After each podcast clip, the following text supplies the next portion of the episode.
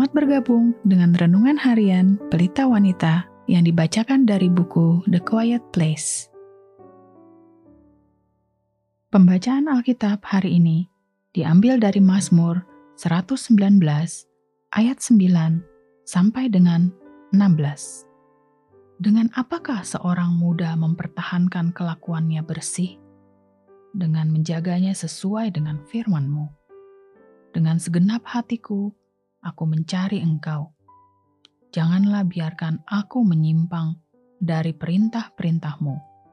Dalam hatiku, aku menyimpan janjimu, supaya aku jangan berdosa terhadap engkau. Terpujilah engkau, ya Tuhan.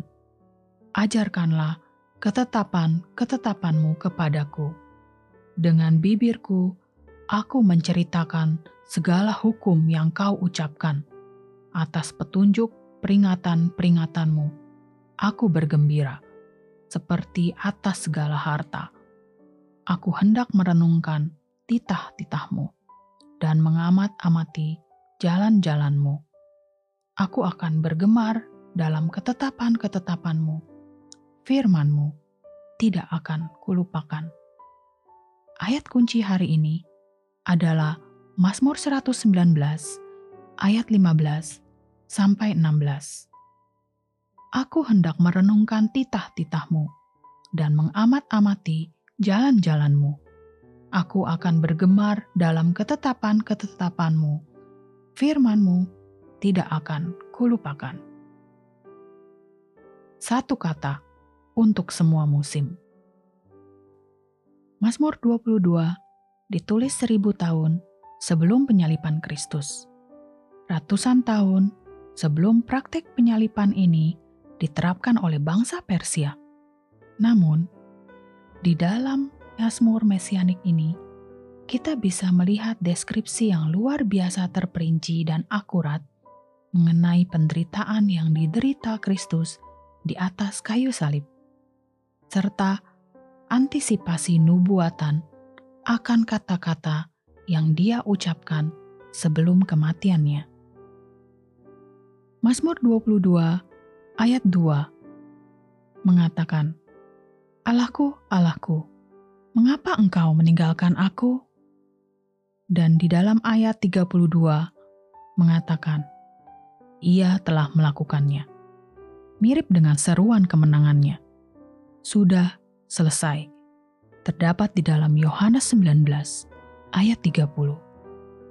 Dari awal hingga akhir, Mazmur Daud ini menubuatkan momen tertinggi dalam kehidupan anak Daud, yaitu penebusan manusia berdosa melalui pengorbanan anak domba Allah yang tanpa dosa dan tiada celah.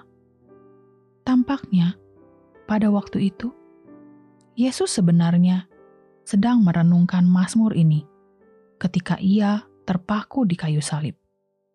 Yesus mungkin pada kenyataannya sedang mendeklamasikan seluruh bagian Mazmur ini dari awal hingga akhir dalam pikirannya. Sepertinya menjawab permasalahan kehidupan dengan ayat dari kitab suci tampaknya merupakan kebiasaan dari Yesus. Kita tahu bahwa dia mengutip kitab suci ketika dia dicobai di padang gurun, ketika dia menjawab pertanyaan dari musuh-musuhnya, ketika dia mengajar murid-muridnya. Tidak perlu heran, ketika pada saat dia menderita oleh karena dosa-dosa umatnya yang terhilang dan hampir binasa, dia juga mengutip dari kitab suci, bukan? Suatu peringatan yang jelas bagi kita akan pentingnya menghafal dan merenungkan kitab suci khususnya pada saat-saat krisis dan penderitaan yang ekstrim. Ketika kita mengisi hati kita dengan firman-Nya, memelihara kebenarannya di dalam pikiran kita, maka pada saat kita berada di tengah-tengah kenyataan hidup yang menyakitkan, firman-Nya ada di sana untuk memberikan penghiburan dan pandangannya akan kenyataan yang jauh lebih besar dan kekal. Sebagai penutup, Mari kita renungkan pertanyaan ini. Ketika dihadapkan dengan situasi yang sulit atau menyakitkan, apakah pikiran Anda langsung tertuju pada firman-Nya?